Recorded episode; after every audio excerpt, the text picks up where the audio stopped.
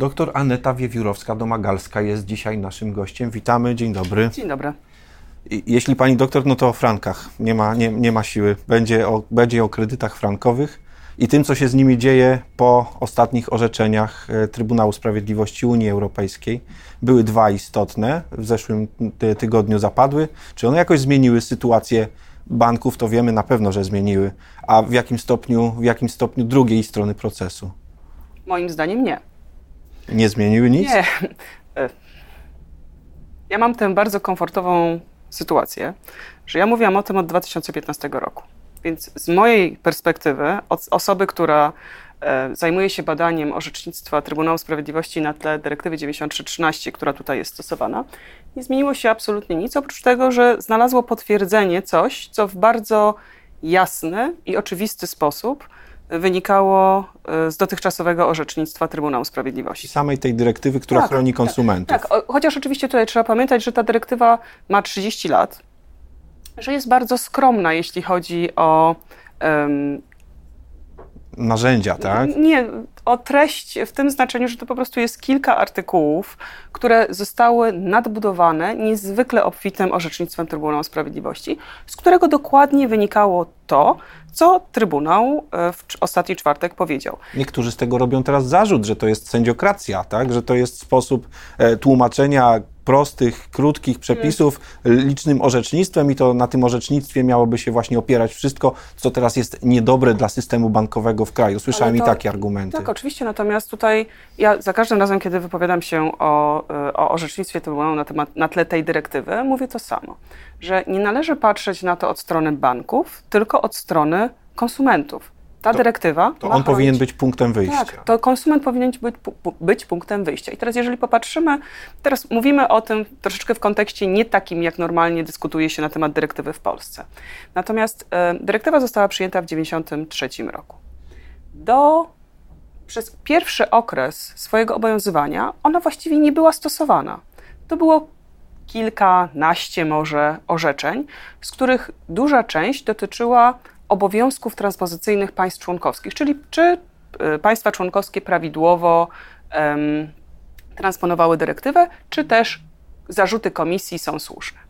Teraz dyrektywa obu, obudziła się albo została obudzona, i tutaj e, dwóch niemieckich naukowców nazwało to um, tak jak śpiąca królewna, że CUE pocałował dyrektywę tak jak, e, śpią, jak książę śpiącą królewnę. I to wynikało z kryzysu e, finansowego 2007-2008. Po prostu okazało się, że konsumenci ponoszą bardzo daleko idące um, skutki zmian ekonomicznych, które nastąpiły w wyniku. E, Ktoś tu dostrzegł nierówność. Tak, tak, tak. I w związku z tym, że nie było innych instrumentów, które można byłoby zastosować, nagle okazało się, że dyrektywa, która ma chronić konsumentów, jest takim mechanizmem, który znajduje zastosowanie właśnie w stosunku do umów finansowych. I teraz to nie jest dyrektywa, która ma pognębić banki, to jest dyrektywa, która ma chronić konsument, która okazała się instrumentem, który chroni konsumentów w czasach zawieruchy e, mhm. ekonomicznej. Z tego robiono zarzut, że oto ktoś w osobie Trybunału Sprawiedliwości z Luksemburga e, ugodził w równowagę finansów państwa, w system bankowy, że, że, że, że, to nie będzie w ogóle, znaczy takie były obawy, że to będzie w ogóle niemożliwe, żeby Trybunał w ten sposób zachwiał e, systemem bankowym w kraju, prawda, że, że, że to się nie zdarzy. No zdarzyło się jednak, bo jak widać to nie o to tu chodziło. Tak, ale ja trochę nie rozumiem tych argumentów, dlatego, że tak jak po raz kolejny powtarzam, tego typu rozstrzygnięcie, jeśli chodzi o sprawę y, szcześniak przeciwko milenium, ono jest logiczną konsekwencją wszystkiego, co było powiedziane do tej pory na temat stosowania i charakteru dyrektywy. I jeżeli ktoś uważał, że e, zostało wydane powiedzmy 150 orzeczeń, e, czy to wyroków, czy postanowień Trybunału Sprawiedliwości, które, których celem było zagwarantowanie, że konsument będzie skutecznie chroniony.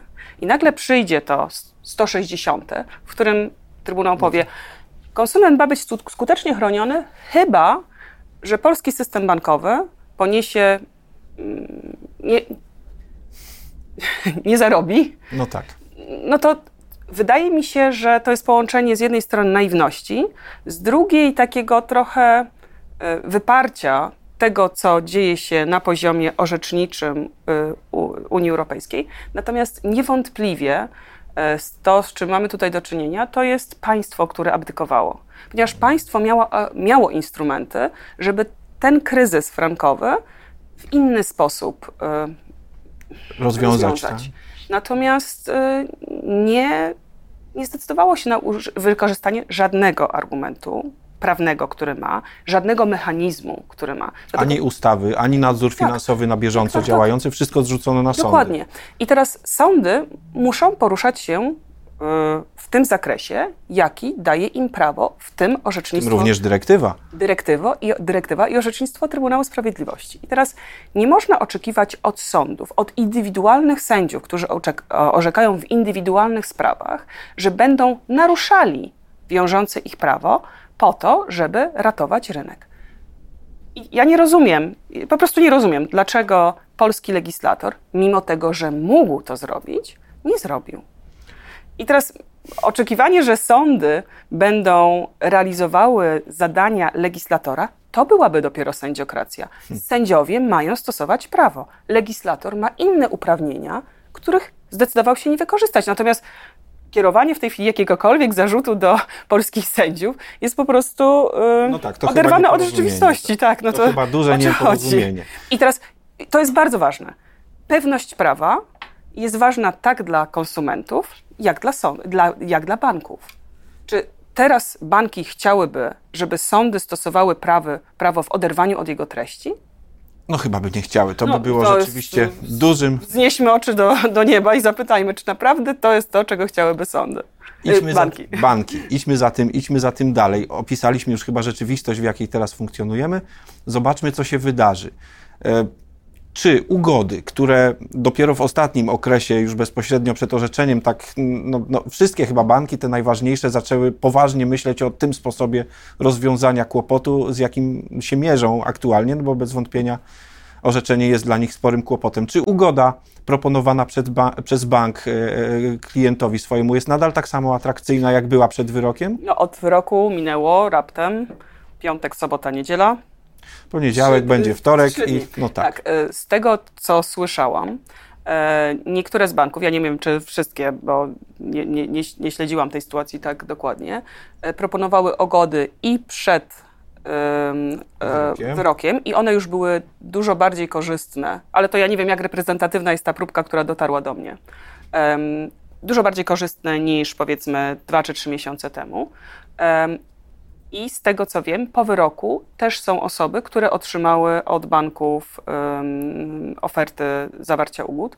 Zobaczymy, jak, e, jak korzystne i jak otwarte będą banki e, na negocjacje e, z, z, z konsumentami.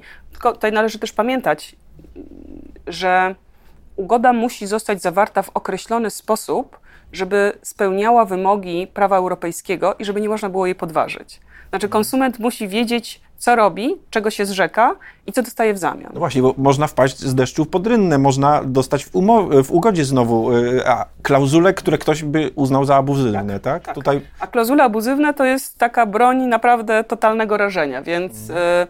y, y, miejmy... Oglądała Pani te propozycje o ugód? Nie, czy, te czy ostatnich, one... tych ostatnich, tych ostatnich nie. A poprzednie? E, tak i co do niektórych myślę sobie no, ciekawa jestem, jak podejdzie sąd do rozstrzygnięcia na tle, na tle e, te, ugody o tej treści. Bo tutaj to, co jest najważniejsze, moim zdaniem, to jest prawidłowe poinformowanie konsumenta, jeśli chodzi o jego sytuację prawną. A sytuacja prawna konsumenta w tej chwili jest dość dobra. Nazwijmy rzecz po imieniu. To znaczy, e, linia orzecznicza jest e, utarta, jeśli chodzi o stwierdzenie abuzywności klauzul przeliczeniowych. E, na ten moment mamy e, również bardzo utrwaloną linię orzeczniczą mówiącą o tym, że umowa powinna zostać unieważniona. Mamy zabezpieczenie, mamy brak możliwości podnoszenia przez bank dalszych roszczeń. I teraz dla konsumenta korzyścią zawarcia ugody jest to, że nie wyda na prawnika tyle, ile wydałby no tak. prowadząc sprawę i czas bo ma już teraz tak. rozwiązaną tak, sprawę. To tak. jest czas. Natomiast jego sytuacja prawna jeśli zdecyduje się pójść do, do sądu, jest nie, niezwykle korzystna. Więc to musi, konsument zawierając ugodę musi mieć tego świadomość. Że może wygrać jeszcze więcej, no Tak. bo w ugodzie jednak czegoś się zrzeknie, jednak Tak. z czegoś zrezygnuje, prawda? Idźmy dalej. E, Unieważnienie e, umowy lub też stwierdzenie jej nieważności. To chyba nie całkiem to samo i, i, i zdaje się, że zależy też od etapu, na jakim się to odbędzie, kiedy sytuacja konsumenta będzie korzystniejsza lub mniej korzystna. Ja patrzę na to od strony prawa europejskiego. I Teraz tak. Em, Euro, dyre- dyrektywa mówi w ten sposób.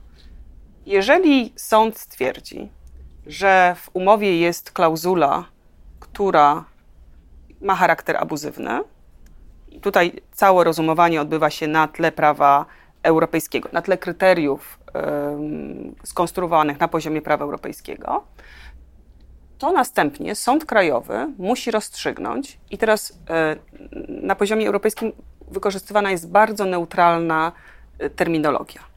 Musi rozstrzygnąć, czy na tle prawa krajowego taka umowa może dalej obowiązywać, czy nie.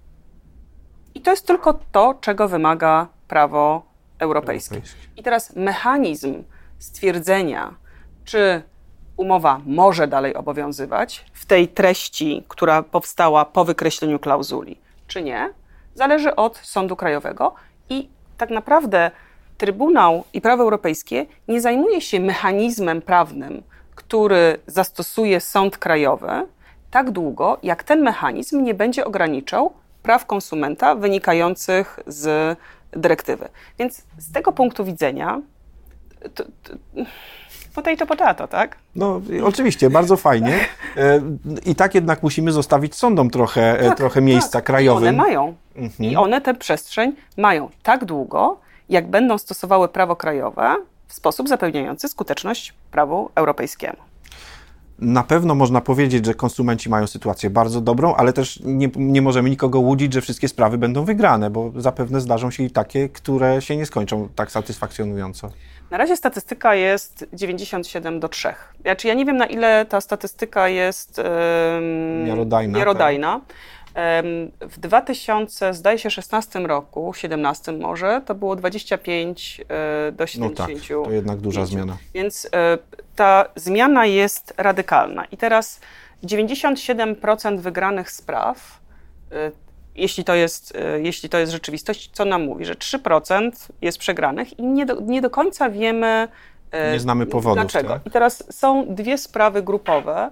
W jednej jest 5 tysięcy osób, w drugiej jest e, ponad 1000 osób. One w tej chwili są przegrane w pierwszej instancji. E, Zupełnie nie wiadomo dlaczego. Znaczy, wiadomo, bo Znaczy, mamy uzasadnienia. znane, ale przyczyna jej przegranej nie jest przyczyna, ustalona, Jest trudna, do, trudna do takiego logicznego ogarnięcia.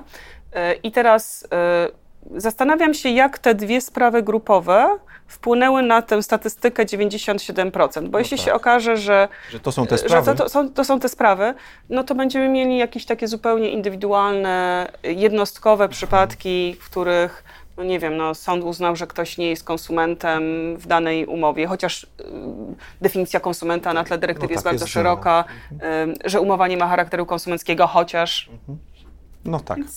No tak, rzeczywiście. No, każe nam to przemyśleć, podejście, podejście do, do, do, do tego, jak zachowywać się wobec propozycji ugodowych banku, choć jeśli ktoś potrzebuje pieniędzy już teraz, to, to to, jest to, to... zdaje się, że ma dobry moment, żeby... Są różne powody, dla których ludzie zawierają ugody. I to nie zawsze są powody finansowe. To prawda. I y, nie należy też przedstawiać, że jedynym pozytywnym sposobem rozwiązania sprawy jest pójście do sądu. No w każdym razie mieliśmy coś dobrego do powiedzenia konsumentom. Dziękuję za to spotkanie. Dziękuję bardzo. Doktor Aneta Wiewiórowska-Domagalska, ekspertka prawa konsumenckiego europejskiego była e, naszym gościem. Dziękuję.